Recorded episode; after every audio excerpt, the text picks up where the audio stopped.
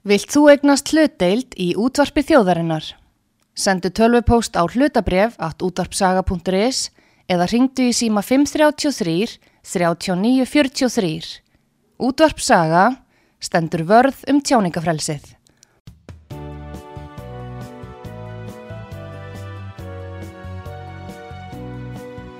Sýtiðis útvarpið með Artrúði Kallstóttur og Pétri Gunnlaugsinni, þar sem ekkert er gefið eftir.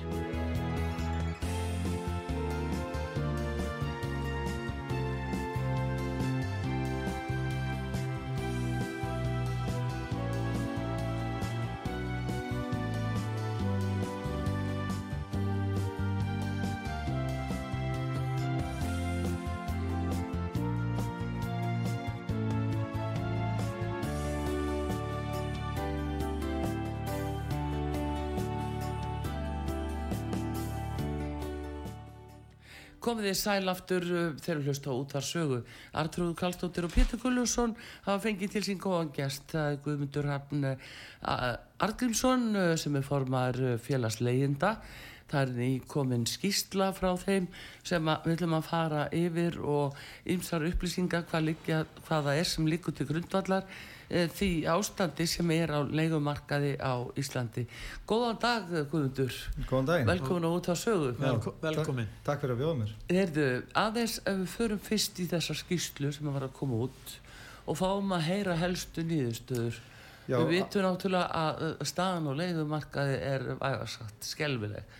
Við vorum að segja frá því síðast í gæra að við vitum um eitt herbyggi sem er til leigu á 260.000 28 fermetri Við erum búin að vera að skoða legumarkaði núna uh, skipulega frá því áramótunum mm. síðust áramót og við hefum verið með svona verðlags eftirlit þar sem við erum að búa til okkar eigin verðgrunn til þess að mm. sjá hvert er raun, uh, hver raunlega er. Og við hefum síðast eignir Já. og dæmi sem eru miklu verri en þetta við höfum að sjá uh, íbúður í hlýðunum sem eru stúkað svona niður í herbyggi þar sem að leigan er komin hátt í miljón bara fyrir vennulega fjölskyldýbúð uh, og ég er bara að horfa á þetta dæmi hérna, ég er bara með þetta hérna á skjánu fyrir frá mig. Með því að deila deila þessu nýri herbyggi, herbyggi og, og hvað er þá í fermetrum, hvað er það stort? sko herbyggi sem ég er með hérna fyrir frá mig það er 80 fermetrar og það er á 180.000 og það eru 5 svona herbyggi þetta eru þá tæplega miljón sem að viðkomandi mm. er að fá uh, og hann er nú með þess að skráður hérna fyrir og mynda legusalanum og, og fullt nafn þannig að hann er ekkit að fela, fela hérna, aðkomi sína að, að legumarkanum þetta, þetta, þetta er ekki ólöglegt. Þetta er ekki ólöglegt en þetta er uh, bara einn byrtingamindin að hvernig legumarkan hefur að þróast. Mm. það ríkir algjör sjálftaka fullkomin sjálftaka á legumarkaði mm. uh, þar sem að skorti á húsnaði er viðhaldið Við erum að tala um íbúðir. Já, íbúðir. Já, íbúðamarkað og þetta er náttúrulega Þetta, þetta kemur líka svolítið niður á bara þessum uh, sko, gisturíma fjölda þegar við erum að kljást við þetta ástand sem er núna þessum að við erum með þúsundir af hælisleitundum og, og fólki sem er að koma hérna þess að vinna bæði ferðarþjónustu og, mm. og hérna í byggingaðinaði að þá skiptir þetta líka máli bara hversu mörg gisturími ekki bara heila íbúður við erum hérna með hæsta hlutvalli í Evrópu hérna á höfbrukarsvæðinu af uh, íbúðum heilum heimilum á mm. skamtímulegum markaði en þetta skiptir líka máli bara hvað þetta eru svo mörg gistir í mig Já. og uh, þetta fór hæst í 2018 það voru 20.000 gistir í mig hérna á, í Reykjavík einni mm. e, á skamtímalegu markaði og þau eru komin vel yfir 10.000 núna við verðum hækkað um 100% frá því fyrra þannig að sko þetta líka, þetta er, ein byrtingamindin að því hversu ástandið er skelvilegt og hversu mm. leigur svolítið ganga langt í að maka krókin á þessari neyð fólks mm. með því að stúka niður heimilið sín og og geta þar kannski uh, auki hagnar sinn tvö-þrefald mm. með að við að lega eignindar út. En, en bendir ekki flest til þess í raun og veru að þetta er eftir að halda áfram sig tíðar það verður meir en ekki minni eftirspurn. Þannig að það er tölur sem við erum að sjá núna sem eru náttúrulega sko, fjárstæðukendar að þetta á þetta að versta því að hér streymir fólkið að bæði hælisleitendur og svo ég tala um gumi gegnum európska efnarsvæðið en þessi hælisleið það er bara viðbót, auka viðbót. Og við erum að tala í ár að búist við 8000 hælisleitendum í ár. Það er þeirra mann, þeirra, þeirra, þeirra áallun hvað þurfa 8000 hælisleitendur mikið húsnæði. Þú ert nú svolítið vel aðeins því hvað, hvað þetta Já, það er sko, með, meðaltalið er uh, 2,5 íbúðar á, á hverja íbúð. Uh, við erum líka átt okkur á því að þetta er ekki dægur vandamál dagsins í dag. Nei. uh, það er búið að tala um þetta ástand stanslist frá 2016 Já, Uh, þetta er algjörlega fyrirsjánlegt En þetta versnar, Þó að þetta ástandi sé, hafi, hafi, sé að vestna Já, já. við uh, þennan au- au- aukna uh, aukinn flutning uh, hælisleitenda til landsins þá er það ekki ástæðan fyrir vandamálinu heldur gerir vandamáli bara miklu miklu verra og bæði ríki og sveitafélag hafa stimplað sér algjörlega út sem ábyrðar aðilar á húsnæðansmarkaði þau bera lagalega skildu ríkið ber bara sang fyrstu grein hú- laga um húsnæðansmál skildu til að tryggja öryggi og jafnræði íbúðana á húsnæðansmarkaði bara fyrsta greinin. Þetta er bara frum skilda ríkisins að tryggja jafnræði og öryggi á húsnæðansmarkaði og í 40.50 grein laga um félagsstjónust og sveitafélaga þá ber sveitafélagun skilda til þess að afla húsnæði og tryggja það að, að húsnæðisframbóð mæti uh, þeim hérna, íbúum, eða þörf íbúana En það var 400 manns verið húsnæðislausir hér á höfuborgarsvæðinu. já, já, Það er staðrind og síðan þegar við lítum á félagsbústæðina, núna um áratug, síðustu árin, það er verið á bylunu 800 til 1000 á bygglista og margir fara að bygglista því þeir eru ekkert inn á honum allt og lengi því að þeir fá ekki neitt húsnæði. það forsendinu fyrir að vera á þessum bygglista er að þú sért ekki með leigusamning þú, að, þú kemst ekki á bygglistan ef þú ert með leigusamning Nei.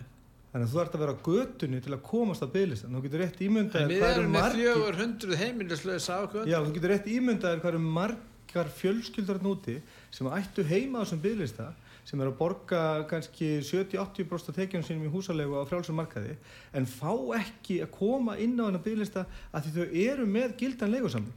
Já.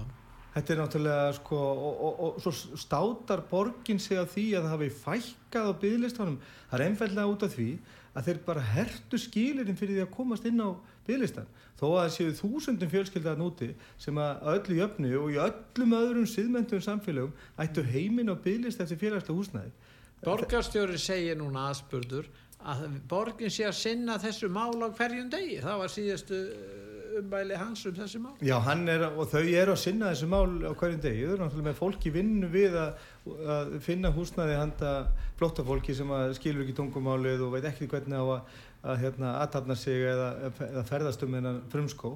Þannig að sjálfsögðu þurfa við aðstofa við þetta. En það er náttúrulega uh, þetta skapa gríðilegt vandamál svo hínum endanum vegna þess að það eru leyendur uh, bæði uh, hérna, íslenski ríkisborgarar og fólk sem hefur búið hérna uh, jafnvel áratug eða meira og, og fjölskyldu þeirra sem eru fyrir í þessum íbúðum sem að ríki og sveitafélagi eru að, að hérna, sópa til sín og þetta skapar and, vandamál á þeim endanum og það að reka þetta fólk út. Já, það er ekki að reka það út, það er bara ekki að fá endur nýjum samningar sem er náttúrulega í og það, Þegar samningarnir er út, Já. þá koma nýja já, og, og, hérna, og þetta náttúrulega líka brýtur 53. grein hús, um hús, eh, húsalegulagana sem að trygg, tryggir uh, leyendur forgangsrétt á íbúðunum og það heldur sér bara verðt að skoða hvort að ríki og sveitafélug sér að brjóta á rétti íbúðana þessari 53. grein sem að tryggir þeim sem eru fyrir íbúðinni uh, forgangsrétt á við endur nýju leigusamninga og ekki bara það heldur líka tryggir þeim sömu leigufjárhað áfram og þetta er náttúrulega misbrestur á vegna þess að margir leigusalar og sérstaklega stóru leigufélagan og ekki síst ríkið í gegnum bríet hefur verið að hækka húsalegu við endur nýju samninga án þess þó að gera grein fyrir því að það þeir þurfið þess eh, ko- eh, með við kostnar auka eða þess áttar. Þannig að vera að brjóta á uh, leiðindum, þannig eru bara ríki og stóru lögðarar að brjóta lög á hverjum degi.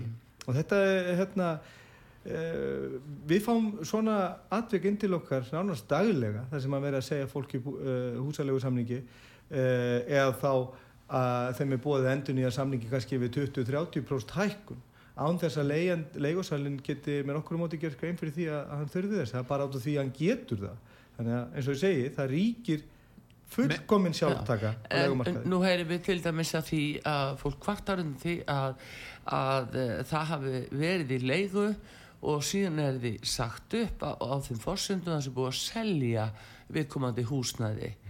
Og í Ásbrú þar er nú einhverja blokkir sem að, að uh, þannig háttar til þess ég er að lýsa. En þá seldu þau sjálfum sér til þess að fá nýja samninga ymitt við ríkið eða útlendingastofnun til þess að fá miklu að herra verð Já, þannig er það að fara að sveifu lögin vegna þess að það segir í lögunum einmitt að leigusali getur hérna uh, sagt, hafna þessum forgangsrétti að þessum skilurum uppfyldum að hann sé annarkot að flýta sjálfur í, í húsnæðið eða sé að fara að selja það. Já. Þannig hafa þið bara að fara að sveifu lögin með því að búa til einhvern málumöndagjörning um einhverju yfirfæslu eignarinnar yfir aðra kennatölu uh mhm. -huh Uh, til þess að geta uh, hérna, hend leiðendunum út mm. og leikt svo uh, húsnæði til vinnumannastofnunar eða sveitafélagsins það sé bara fá hæsta verðið já já, já. já, já og við erum náttúrulega, við fáum þessi dæmi bæði hringt í okkur og við fáum posta um svona dæmi þar sem að jafnvel gefið í skín að hérna að eh, sveitafélagin sé ekkert að skipta sér að því hvort að þessi húsalega sé gefin upp eða slíkt, það er bara, þeir þurfa þessi, þessar eignir bara Er, er sveitafélagin og ríki að taka þátt í skattsöku? Það höfum við fengið, við höfum fengið bara orðrumur um það að þeir hérna, ætla ekkert að skipta sér að því hvort að viðkomandi hérna, hérna Það er ekki að tellja fram? Jú, þeir gera það kannski, en þeir ætla ekki að skipta sér að því hvort að þessir hérna, leigusalar gerir það sjálfur Já. Við hefum bara fengið svona konkrétt dæmi um það að, hérna, að, að tilsvör eh, sveitafélaga í svona dæmum hafi verið að hérna, þeir ætli ekkert að skipta sér að því mm. þar sem að þetta hefur komið upp við hefum bara fengið svona konkrétt dæmi um þetta mm. þannig að sko örvendingin hjá sveitafélagunum er slík við að reyna að finna húsnaði handa fólki sem er á, þe hérna, á þeirra vegum að uh, þau bæði eins og ég segi eru með hérna, fólki í sérstörfum við þetta og er að hérna, sópa upp húsnæði en það gengur heldur ekkert neitt rosalega vel vegna þess að, að, hérna, að uh, það er ekkert allir leigursalar uh, sem að, hérna, eru kannski eitthvað sérstaklega kynkjætti fyrir því að hérna, leia uh, fjölskyldur sem er að koma hérna og, og hérna um, þannig að sko þetta er, þetta er, þetta er ekkit auðvilt fyrir sveitafélun, ég tala við sveitafélun bæða Suðurlandi og hérna höfbrukarsvæðinu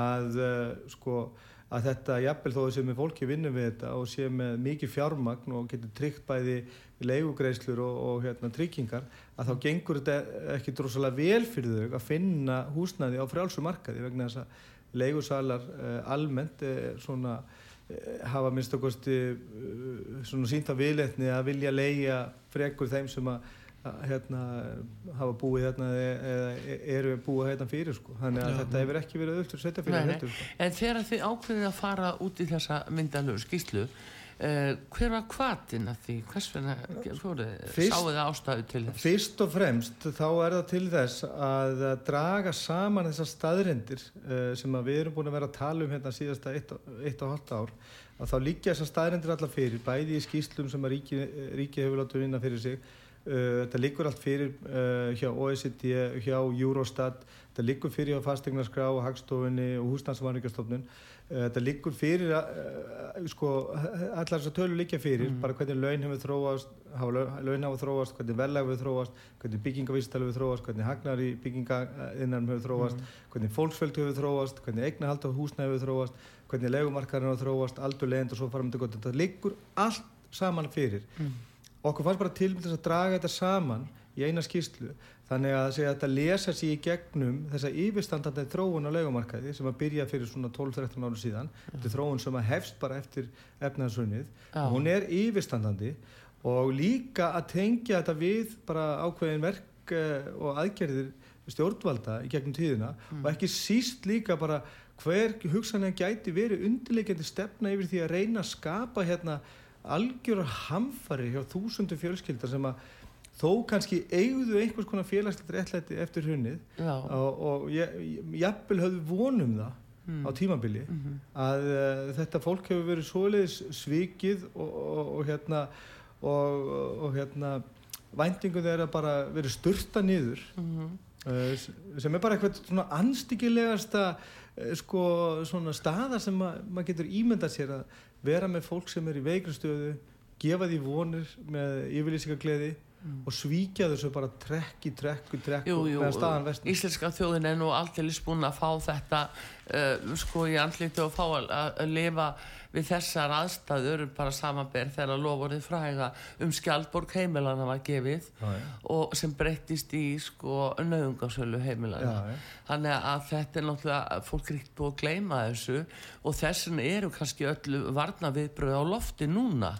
En mér langar að spyrja þið mitt í samband við þessa skýslu hvaða aldurshópur er stærstur þeirra sem er á legumarkaði sko, Stærsti aldurshópurinn er alltaf yngsti aldurshópurinn. Það er, hefur, hérna, hann hefur verið svona bílinn 30, 50, 40% af þeim sem eru sko frá 25 til 34 uh, en það hefur hins vegar stækka það hafið þanist út í öllum aldurshópum. Mm. og þeir eiga líka auðveldast með að koma út af legumarkaði það er þessi aldurshópur það hefur verið svona bílunum 12-15% af þessu fólki sem er komist út á legumarkaði sem eru náttúrulega miklu minni tölurhöldur en við nokkuð tíma séð. Um, en svo höfum við náttúrulega mestar áhugjur af þeim sem að voru kannski á færtusaldri og jafnvel komin á fymtusaldri þegar þeir koma legumarkaðin hérna eftir hunnið uh, þetta fólk er bara á næsta áratug að detta inn á lífeyrisaldur og lífeyrissjóðurnir hafa verið með svona millir 5 og 6% af sínu sjóðsfélögum á, á legumarkaði mm. þegar þeir koma á lífeyrisaldur uh, en framferð sem horfir uh,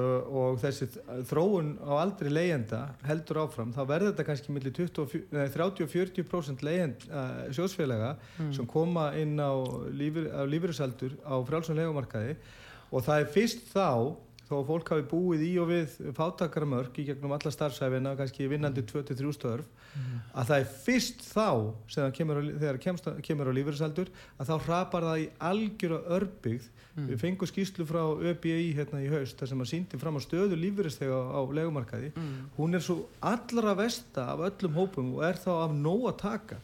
Þannig að sko... Þeir get ekki bætti við sér vinnu, þeir hafa enga vinnu. Nei, nei og, og, og Þeir hérna, hafa engar tekjur nema lífeyriskvæslu Nei og þrátt fyrir þá staðrind þessi skýsla sem kom frá, frá hérna, félagsvísindastofnum fyrir örkibandalagið síndi fram á ríkalega stöðu uh, hérna, örkulífeyrisþega á legumarkaði þá leia örkulífeyrisþegar uh, lítuð ódýrt. Þar að segja þeir leita eftir því að búa lítið og leia ódýrt. En þrátt fyrir það þá síndi uh, skýrsla fram að alveg hræðilega stöðu þessa fólks. Og þetta er veruleikin sem að blasi við lífverðistegum þegar koma að legumarkaðin og það er náttúrulega hlítur að vera ágefni fyrir lífverðisjóðana sem að hafa frá því að ég var lítið strákur lofað uh, hérna, vinnandi fólki áhyggjuleysu og efirkvældi á lífverðisaldiri að uh, það mun ekki ganga eftir. Og, og, og í rauninni ábyrða að leysi hjá lífverðisjóðunum að, að hérna að koma ekki inn á húsnæðismarkaðin og tryggja það að sjóðsfélag þeirra geti lifað af hérna, lífyrir sínum. Já, að þið ekki hafa þau byrjað til þess að hækka lífyrin til þess að mæta nei, þessum, nei, þessum en er það ekki akkurat bara komið að því að það er svo skilda verði sett á lífyrirsjóðina að þeir reysi árkvert Uh, ákveð magna íbúðum og uh, já, já, nei, bara uh, með 30% eða 30,5% arðkröfu. Og síðan bara þegar á hverju ári láta þær reysa íbúður og það er bara leikt á þessu kostnaða verði pluss 3,5% er þetta ekki bara líkur ekki ljóst fyrir? Algjörlega. þeir eru bara með réttind í dag að hýrða af aðtunur rekundum og vinnandi fólki.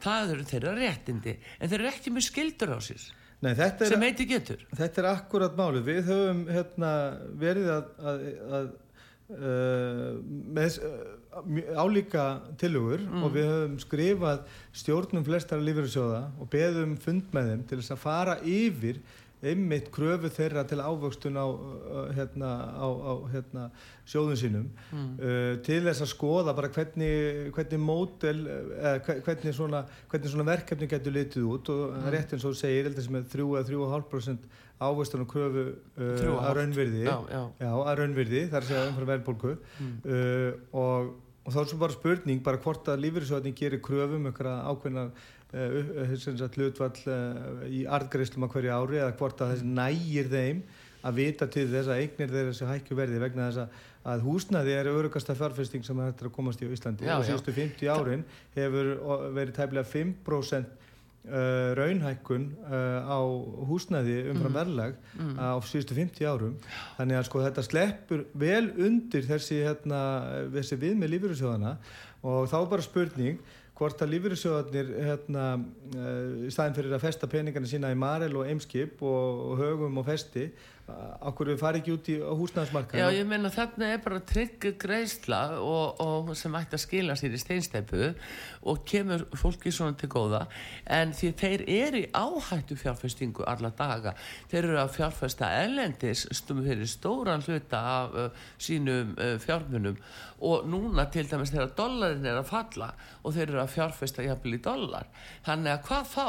eigum við endalust að heyra já, lífeyrisjóðni töpuðu nú sko 500 miljardum eða eigum við að heyra þær hafi tapa 8 eða 900 miljardum og eigum við þá bara að sitja eftir og stein þeia Nei, sjálfsög ekki. Auðvitað er að nýta þetta fjö hérna heima vegna þess að það er ekki bara það að þetta munir skila lífyrirsjónu stórgóðslega á, ávöxtun, heldur munir þetta hafa líka stórgóðslega samfélagslega áhrif. Mhm. uh, þetta mun verða til þess að, að hérna, húsaleiga muni, mun, mun lækka við þetta sem að losa um uh, 10 miljardar kannski af uh, ráðstöðunum fyrir leiðenda á hverju ári þannig að sko að sko afleitt samfélagslega áhrif af innkomi lífyrirsjóðana inn á húsnæðsmarkan í, í formi e, þess að byggja upp hérna ótill leiguhúsnæði gæti haft stórgóðsleg gæti verið stórgóðsleg, svona afleitt áhrif. Fyrir utan náttúrulega hagnaðin sem að lífyrirsjóðinu myndi hafa Já, já, já, þú sér það með hækkandi aldri hjá hverjum og einum einstakling þá mingar aflahæfi og þar alvegndi hefur fólk minni úr að spila og minni möguleika. Þannig að þetta ætti að vera eitt af hlutverkum veist, af hverju er fólk að greiða svona mikið í lífeyrissjóða? Félögin Já, já. og nú hafa fastegna félögin þessi aðalega verið að leiði út atvinnuhúsnæði og alls konar eh, stofnanir, undir stofnanir og atvinnustarfsemi.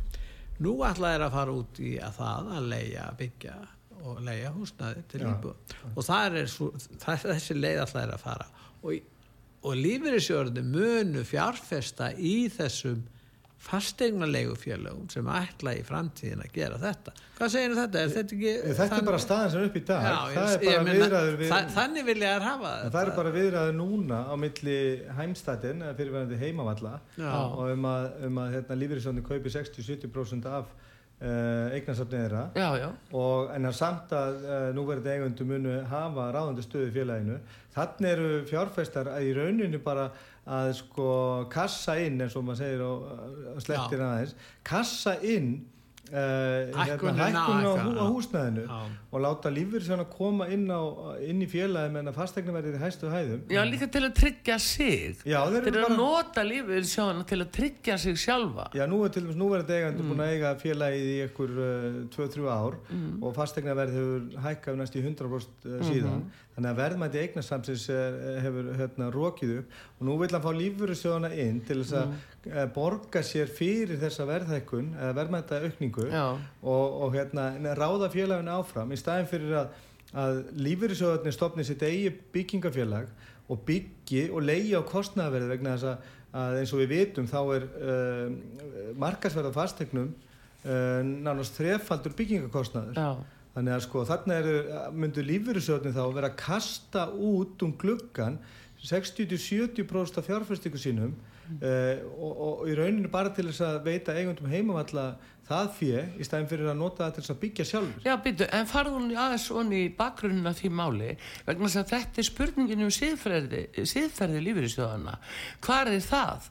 Vegna þess að heimavellir upphálega fengu þessar íbúði fyrir slikk hjá íbúðalánasjóði sem var hýrt af fólki sem var að verið að henda út á götu hérna í þúsunda tali eftir hunnið og þeir fá það bara fyrir vinskap fyrir slikk og voru- svo uh, svissa þessu yfir á normennina heimstaten og, og þar fram til göttunum breytum nöfn og annað þetta fyrir ringi og ef, menna, hva, á hvaða síðferðis stalli eru þá lífið í sjóðunir ef þið taka þátt í þessu? Já, þetta, var, þetta ferli allt saman var ekkit síður uh, sko, umvæði spillingu heldur en bara uh, bankarhunni sjálf algjörlega Þetta er bara er beinu framhaldi. Þetta er rauninni eik- þyrfti að, að rannsaka og þetta setja saman rannsóknum til þess að rannsaka vegna þess Mm. að þegar að hérna, þessi sala og íbáðlansson fer fram Við höfum verið að uh, taka stikkpröfur að við erum með þessi gögg frá Þorsteinu Sæmundsson sem uh, barðist ötulega fyrir því að fá þetta fram í dagsljósið.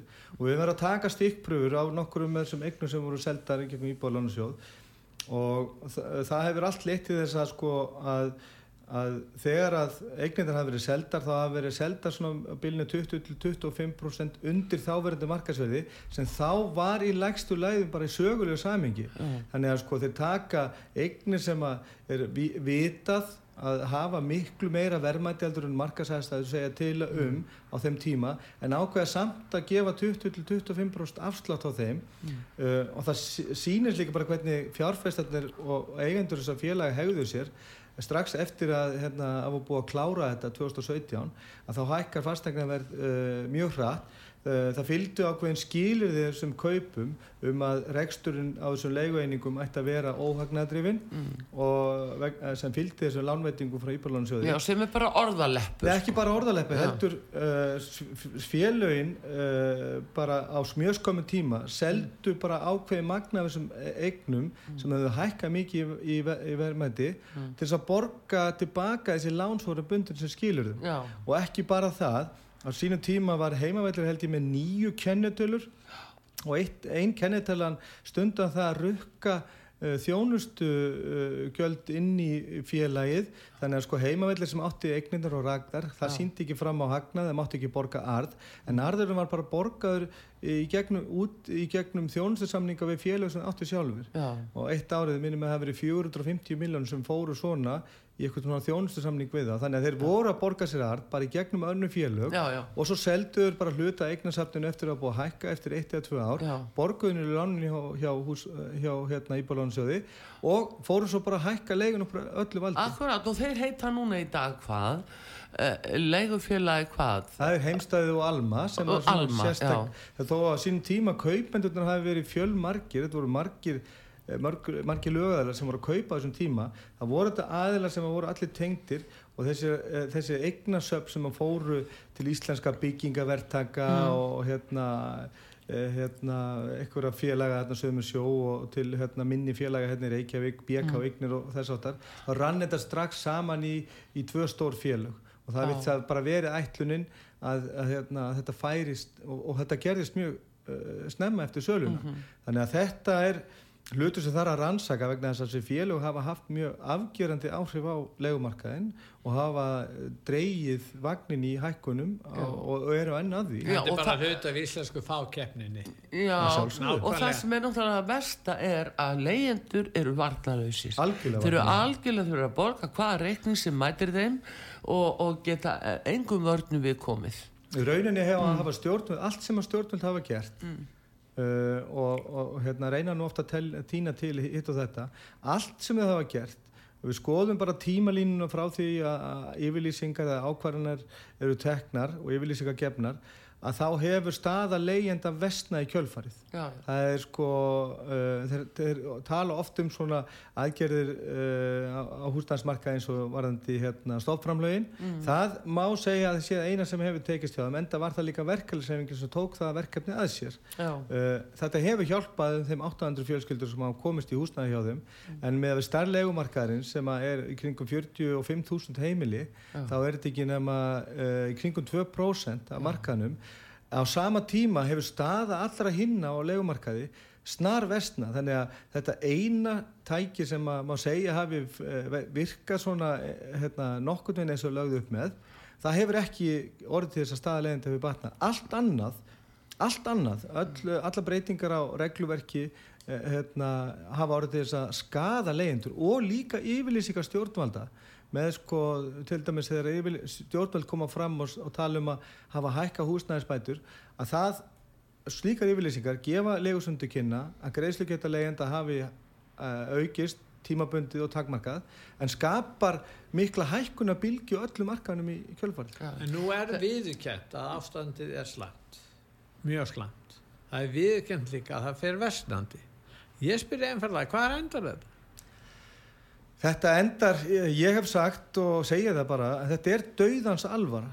Já, við vitum það, en hvað endar þetta já, með þessu áfram? Ég er að tala um þetta, þetta er dauðans alvara og það, þetta endar með, uh, sko, Ég þóru alltaf að segja það sko hvernig Það séu þúsund manns húsnæðisleysi sem bú í bílum sínum eða húsbílum eða Já, sjálfsögðu.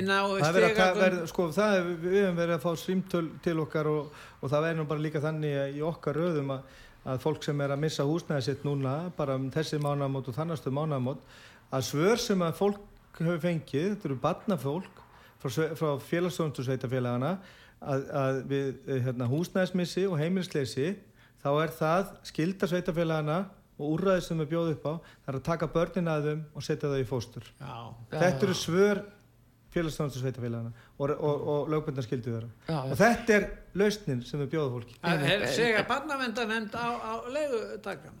Nei, já, sem að eru húsnæðslis, Já. heimilislis. Já, Þetta er sem er lausnin. missa íbúið sem. Þetta er lausnin sem er bjóða upp. Þetta segir góðu gestu hér á útvarpi sögu.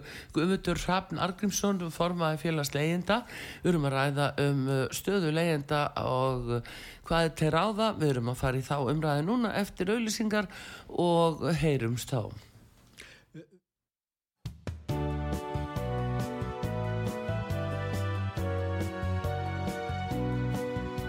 Sýtiðis útvarpið með Artrúði Kallstóttur og Pétri Gunnlaugsinni. Þar sem ekkert er gefið eftir.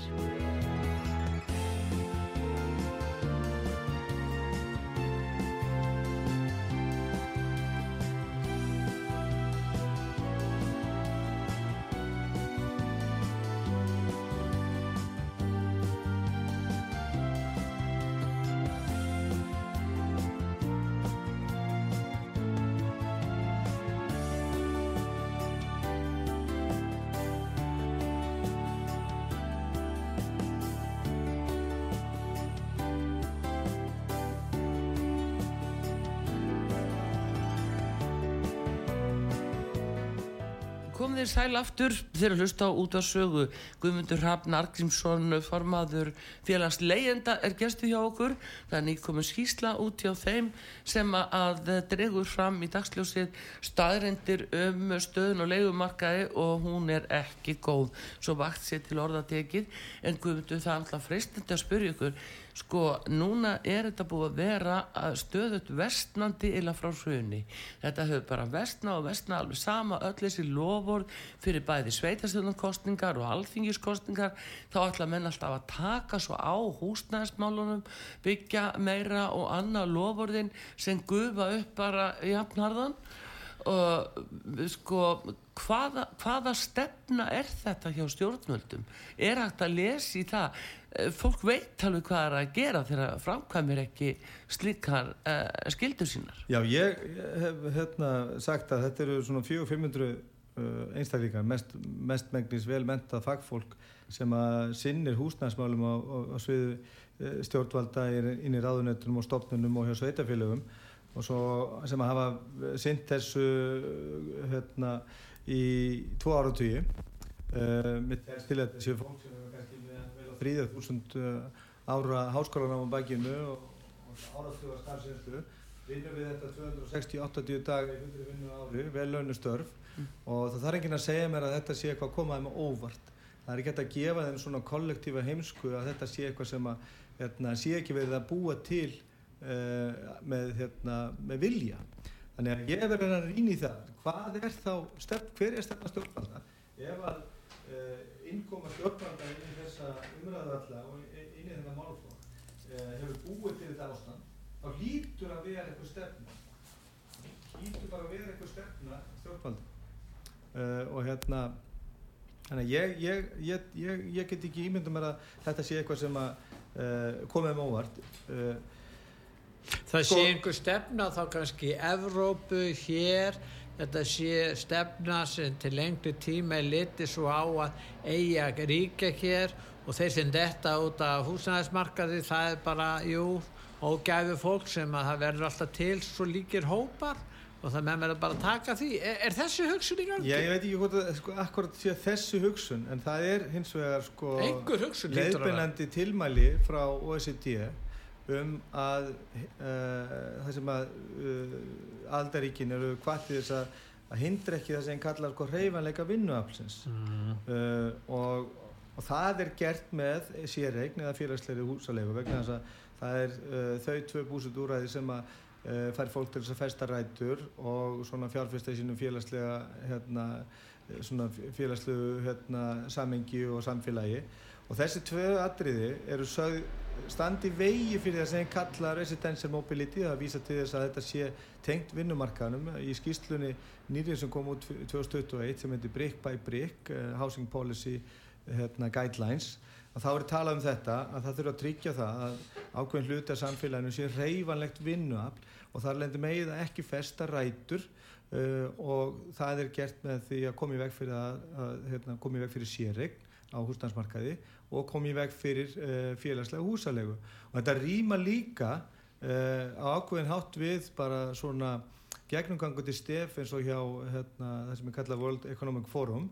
Þar eru svona eh, ákveðin stef sem að rýma við þetta að, hérna, að sko, sérregni húsnæði eða þá félagslega húsalega hún er ekki álítan að finna góða og ekki til þess að íta öndir svona virkni og, og, og, á, á vinnumarkaði. Þú átt ekki eiga, nei Nei, og mér finnst þetta mér finnst þetta ógeðfelt um, ógeðfelt lesning uh, og sérstaklega í OECD vegna þess að þetta er rætt um þetta á mjög svona steriljón og kaldan máta og svona á vissan átt líður sem sé að lesa svona einhverja hryllingsvísundarskáldsögu að þetta skuli standa í plaggi sem er gefið út bara fyrir tveimur árum síðan og eru leiðbyrnandi tilmæli til aðeldaríkja OECD um að koma í veg fyrir það að stór hluti þjóðarinnar uh, festi rætur uh, og, og, hérna, og, og búi á heimilisinn til lang, lang tíma þetta er, þetta er náttúrulega e, e eiginlega ótrúlegt að þurfa að, hérna, að ræða þetta fyrsta legi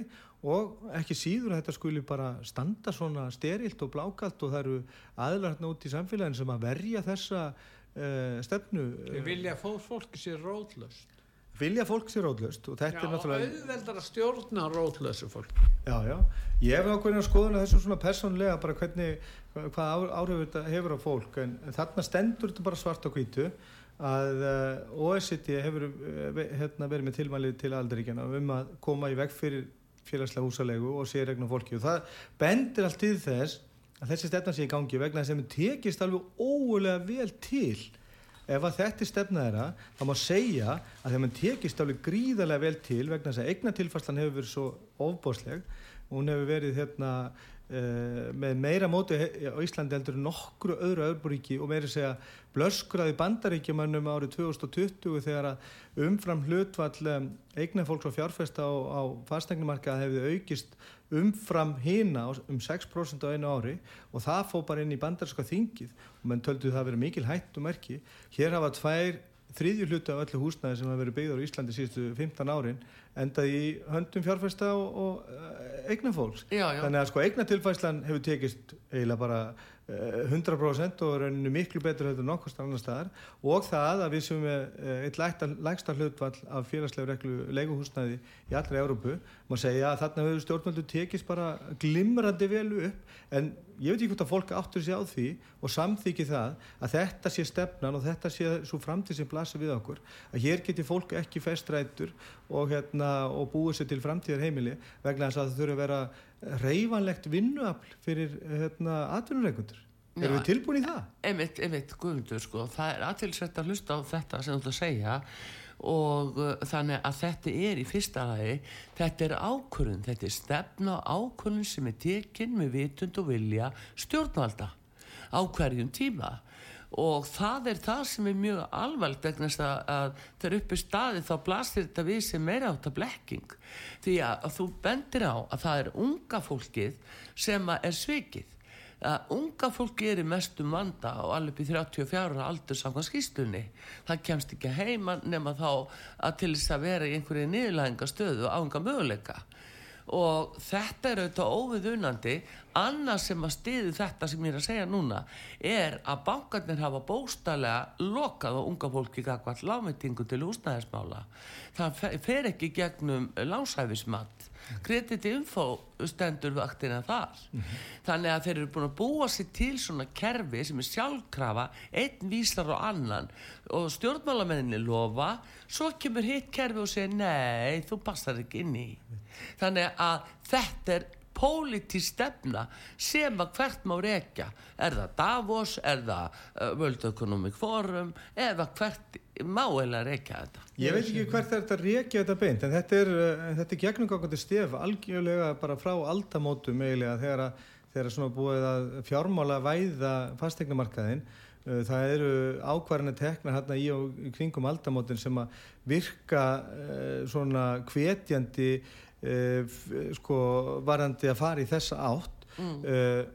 Sko ég veit ekki nákvæmlega hvað er hvort þessi eitthvað byrjunarpunktur ásöð en það má segja að í eftir hrunu þá gafst uh, mikið tækifæri til þess að, að koma á svona meira félagslegur réttlæti á húsdansmarkað og það var ekki nýtt heldur þvert á móti var hérna ójöfnið á húsdans, húsdansmarkaði það var aukinn og sko, þetta er klárlega stefna stjórnvalda. En það sem er kannski alvarlegast að við þetta er að þau eru ekki að segja okkur frá því og eru með stopnarnir á sínum vegum sem eru starfandi við það að blekki okkur og, og, og hérna, draga fram bæði ósannar fullirðingar og mjög blekkjandi samaburði til þess að segja okkur að hlutinni séu að fara í aðra átteldur en þeir eru.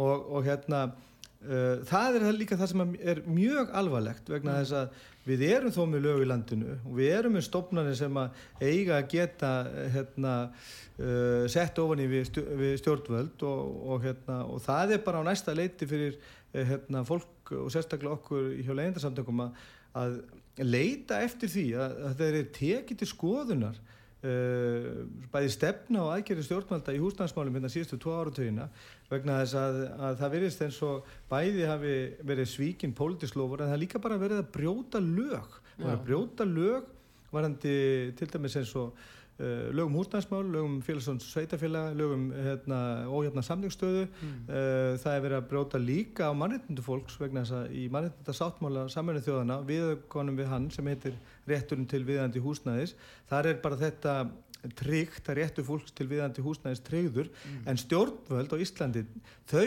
höfnuðu að skrifa undir samning við samverðinu þjóðana sem heimilaði borgarunum að leita réttar síns Já, þau lögfæstu sáttmálan já, já. og viðökan mm -hmm. en bara, nei, nei við ætlum ekki, við ætlum ekki að samning, skrifundu samningin sem heimila borgarunum að sækja réttin sinni það er brotið á þeim. Já, þannig að sko, það ber alltaf sama brunni. Það er sama hvað er borið niður og það kemur svo fram í þessari skýslu það er sama hvað er borið niður. Mm. það er verið að stefni aðra átt það er verið að segja okkur frá því að, að hlutinni séu að fara í, í, í, hérna, í aðra átt en við erum að stefna. Og hérna og svo eru tilmæli til stjórnvalda frá OECD um að fara í ákveðnast átt sem að allar hagtölu benda til að sé verið að mhm. gera. Og það er bara komið tími til þess að stjórnvald komi reynd fram. Já, það er, það er nefnilega er kannski stóra vandamálið í þessu. Og þess er maður auðvitað fann að fletta og aftar í bókinni að sko hvaðan þetta er fengið, hvaða fyrirskipun er þetta ákvörðun, hvaðan kemur hún Akkur er hún að hellast allt í henni yfir okkur núna að unga fólki það, það bóstala er dæmt til þess að vera leiguð þrælar næstu ára á týjina hjá Eitt sem við höfum ekki talað um gumundu það er hækkandi vextir. Nú er það svo að þeir sem hafa kessir íbúðir og skulda og þeir þarf að hæra vexti þeir get ekki haldið íbúðan sín ef þetta heldur áfram. Og þá áttur að koma í ljós í haust sennilega.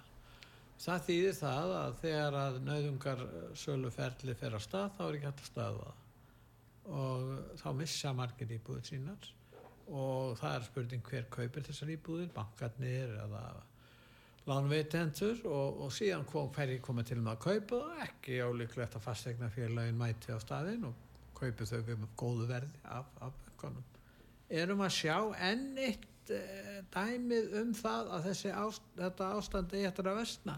Því, því, því þetta fólk verður að fara á leifumarka sem missir eignir sínar á, á uppbúði Já, ef það kemst þá uh, þangað sko, en þetta virðist vera eins og að kalla það á uh, hérna, slæmir í íslensku svona rinse and repeat. Það er bara, bara einu umferði viðbútt Þetta er ekkert uh, það sem er uppsegningu. Fyrir ekki að ég gripi fram í. Þetta gerðist svona líka eftir nauðungarsölunar, eftir raunnið þá fór þetta í þennan farveg sem við höfum verið að tala um núna já, já. og þegar þetta gerist núna aftur já, þá verður það bara tvöföld Já, þetta er bara endutekning á nákvæmlega saman ferlinu og þetta er fyrir séð, þetta er algjörlega fyrir séð að hundruður uh, sérstaklega ungra uh, fjölskyldna munum missa heimili sína Gæti verið þúsundir, já, þúsundir já, jáfnveil þúsundir. Uh, við veitum þó ekki hversu Nei, margir hafa, af ungu fólki hafa geta keift sér á undanförnum 2-3 árum þó að hlutvalli hafi alltaf verið í kringum 28-30% af fyrstu kaupendum. Uh, þá er það eigi heilmikið í egninni ef þeir skulda, sá sem er með egnu upp á 70 miljónir og skuldar í henni 25-30 það er ekkert stangið til borga það Nei, nei, en, en fastegnaverð tók nú ekkit svona rosalega mikið vissi fyrir um svona árið 2020 uh, en þannig að þeir sem að voru það hefnir að komast inn á sérregn árun kannski 2016 til 2020 þeir voru að kaupa á til dæla uh, lágu verði með að markasverði í dag. Já. þannig að skuldastæða þeirra eitthvað betri. Það er spurning hvort að það sé uh, hérna, fleiri verðri lán þar inni sem að hérna, verða þetta fólk. En þeir sem hafa verið að kaupa síðustu tveimur árum eru í algjörlega skjálfilegri stöðu og sérstaklega unga fólki sem hefur þurft að skuldsetja sig fyrir 85% af hérna, kaupverðinu Uh, á mjög háu verði og hugsanlega breytilegu vöxtum. Og þetta fólk er bara í þeirri stöðu að það er nánast örugt að sko, langsæsti hluti þess að uh, fólk sem munir missa heimilsi Já, já, það er akkur það sem blasir við og, og þessuna er það svo alvarlegt að heyra Uh, raunverulega að þá sem er svo innveðar á þeirra og fleiri og jáfnvel frá borgarstjórn og, og sveitarstjórnumönnum að, að þeir telja jáfnvel að, að þeir geti staði að byggja svo svo mikið og þá að vera með sérstökum svona hagstæðum kjörum. Hvar fæst byggingaefni á hagstæðum kjörum í dag? Auðvitað er þetta bara allt hækkandi. Hvar, hvar fást lóðir og hvar fást lóðir skilur þú þetta er bara svo innan tómt og úræðilaust og ómartægt en eh, guðmundur það er hins vegar sko hefur líka verið talað um að setja leigu þag mm -hmm. en stennst það stjórnarskrána það fór nú aðeins inn í, gegn, í Þýskalandi en uh, það er spurning um íslensku stjórnarskrána hvort það standist út af eignarétti Varðandi leigu þakkið í Þýskalandi þá var mm. leigu þakkið ekki dæmt ógild Nei. það hefur hverki verið dæmt ógild heldur í þessum tveimur löndu þar sem að þetta hefur þurft að það, það hefur verið felt niður mm. var út af því að uh, svæðis stjórnirnar eins og til dæmis í Katalóni og Berlín þar sem ja. þetta var sett á höfðu ekki heimil til þess að gera þetta sjálf það mm. þurfti að vera annarkot uh, ríkið sem setti leigu þakkið á mm. eða þá að það var þurfti að veita sveitafélagum eða svæðis stjórnunum ja.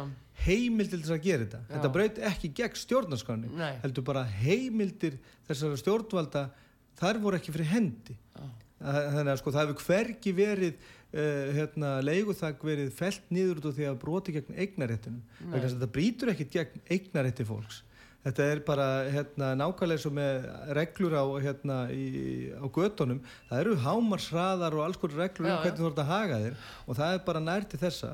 Um, varðandi byggingamarkaðin að þá er það nú þannig að uh, Álægning byggingaðalega og byggingamarka á Íslandi, bara samkvæmt uh, nýri skýslu frá BHM núna síðan í mass, þá er hún yfir 100%. Við höfum verið að... Hún hlýtur á að minka þessi skýsla gerir á fyrir því áður en að þessar hækkanur auðvitað á verðum en samt sem áður, samt sem áður er hagstofu með tvær reikningvilar, bæði reikningvilum byggingakostnað sem er fullkonasta reikningvil sem það búið til nokkuð tíman uh, og, og endun í, þrí, í þrýgang síðan 1986 þeir eru líka með reikningvilum gatnagerðagjöld sem að teku með byggingakostnaði og ef þú reiknar út byggingakostnað og uppfæra hann bara með verðlægi frá því að þessar, þessar hérna, þessar hérna uh, reikningvila voru endun í það síðast Þá kemur í ljós að byggðu fermetri á vísutölu íbúi Reykjavík sem er 8-150 íbúi í 12 íbúi stegagangi er í kringum 250-270 krónur án lóðagjalds.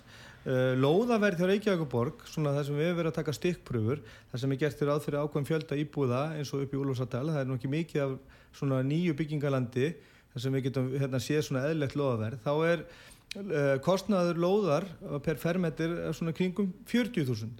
Þannig við erum að tala um að raunkostnaðu byggingaðila uh, uh, fyrir veisutölu íbjöður Reykjavík hann er í kringum 310.000 krónur. Söluverðið hins vegar er komið 950.000 þannig að þessi skýrsla frá BOM upp á 100% álægningu byggingaðila hún sýnir mjög sko svona hérna, varkára stöðu. Þetta er líka vandamáli það er ekki bara lóðaskortur það er bara vilji byggingaðalega til þess að auka frambóð en að viðhaldi ekki ákveðnu skorti vegna þess að skortur, hann viðheldur síhækkandi fastegnaverði Já. og meiri framlegð per unna klukkustund og byggðan fermendir og það er þetta er vandamálið þetta er ekki spurning, svo mikil spurning um að það sé ekki til lóður en það hefur Reykjavíkborg held ég ágætla raukstuð það að þeir séu með svo og svo margar lóður en það skiptir ekki máli það skiptir engu máli fyrir okkur og það skiptir engu máli með tilliti til lagana hversu mikla, mikið að lóðum er í bóði það stendur í lögunum að það voru að frambáða húsnæði. Það býr engin í einhverju deiluskipulagsplaggi eh, hérna, sem hangin er í borgatóni það býr engin þar Nei, nei. fólki býr í vegar- fó- Já, en uh, fólk það er ekki að útluta heldur. Þannig að uh, það eru bara vertakarnir sem fá uh, hérna útluta Þéttingarreitina? Já, og þéttingareitina að, að þannig að, og svo er braskað með þetta. Við sáum bara dæmi frá því fyrra haust þegar að klasi sem hafði tryggt sér byggingarétt upp í Ártúnbrekku fyrir held ég að verið uh, 1,3 miljard þegar við fengum hjá borginni fyrir nokkrum mánu síðan. Þeir seldu hann núna í haust til uh, byggingafj uh, hérna, vistbyggingafélagið Þorpið sem að Runolfur Ágúrsson hérna sem var nú tengdur hérna við Sparisjóni Keflavík og allt þetta uh, klandur og, og spillingu þar hann fer fyrir því félagi.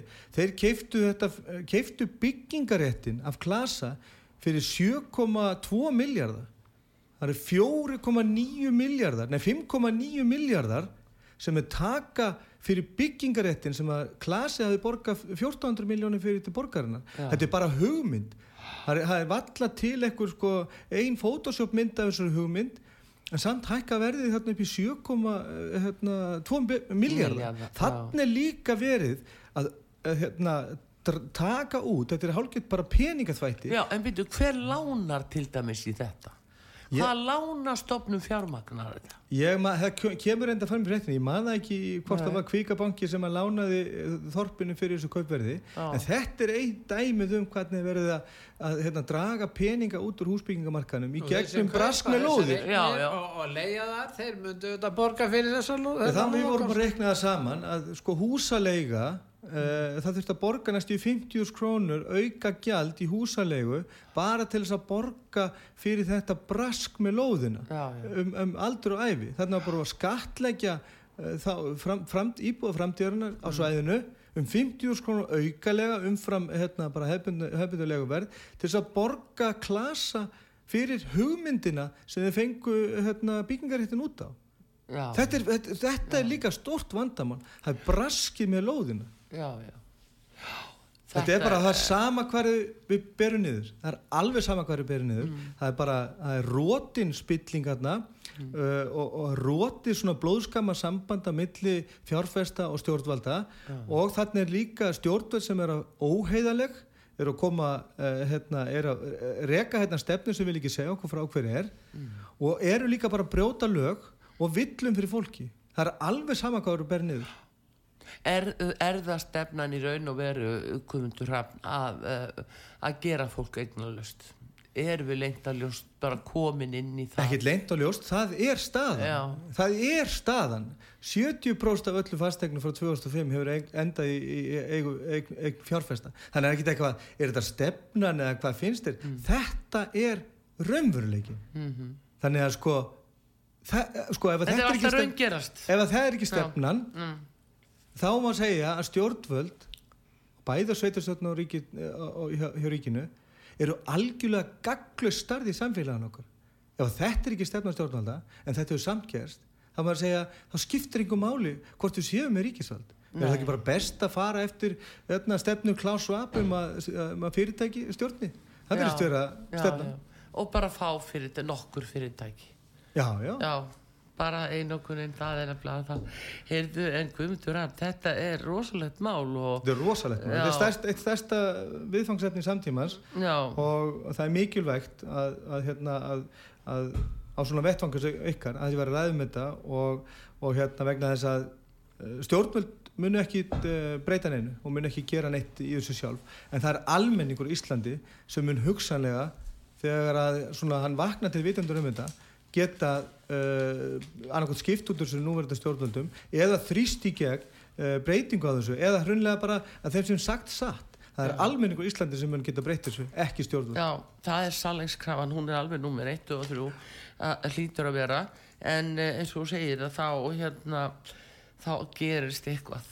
Það er, Það- nokkuð, já, já. það er nokkuð ljóst. Er nokkuð ljóst Heyrðu, en mjög frólægt að fá þig og, og, og bara innilega þakkir Guðmundur Rafn Argrímsson formaði félags leiðinda takk fyrir og, og hérna takk fyrir þitt góða starf. Takk fyrir fyrir, fyrir. Artrúð Kallstóttir, Pétur Gullusson þakka fyrir sig og takk til maður í útsendingunni Bræði Reynisson. Verið þið sæl. Verið þið sæl